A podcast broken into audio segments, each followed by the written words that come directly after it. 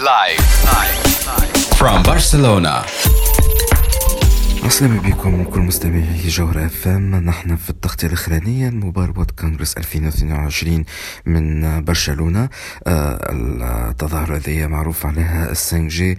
باختو نحكيو على 5 جي. وشنو لي زوبورتونيتي ولي بوسيبيليتي مع التقنية هذيا لكن جوستومون نحن في تونس. وين نحن من هذايا كله؟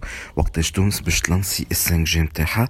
آه لقينا الوكالة الوطنية للترددات موجودة في المباراة كونغرس. وسألنا المديرة الجديدة للوكالة الوطنية للترددات مدام ألفا جمالي.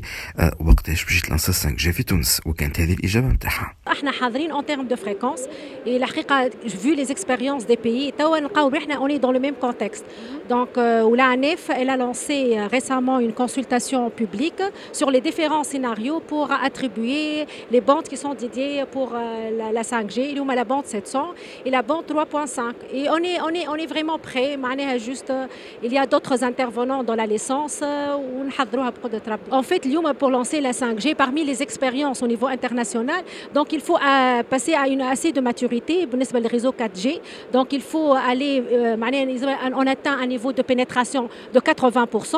Pour la Tunisie, on est à 56% de taux de pénétration. Donc si on atteint 80%, je on est prêt pour la 5G. بعد الوكالة الوطنية للترددات كان لازم باش نسالو زاد ان اكيبمونتي معروف برشا اللي هو اريكسون خاصة انه اريكسون موجودة في تونس من الخمسينات من القرن الماضي دونك اسكو تونس باش تلانسي روحها في 5 جي حاضرين والا لا وكانت هذه الاجابه نتاع نادر بن عمار كونتري مانجر في اريكسون Pourquoi est-ce qu'on est en train d'aller vers les 5G Parce qu'il y a beaucoup plus d'intérêt par rapport aux anciennes générations. Ericsson, ça, ça fait très très très longtemps. On a installé nos premiers switches, les commutateurs téléphoniques, depuis 55, 1955. Donc c'est très très très très ancien. Aujourd'hui, Ericsson, surtout, on a commencé déjà à faire les tests de 5G.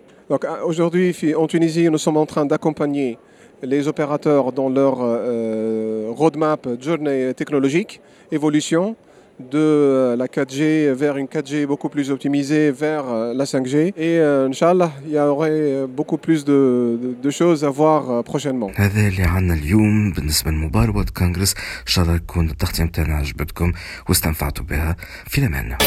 Live. From Barcelona.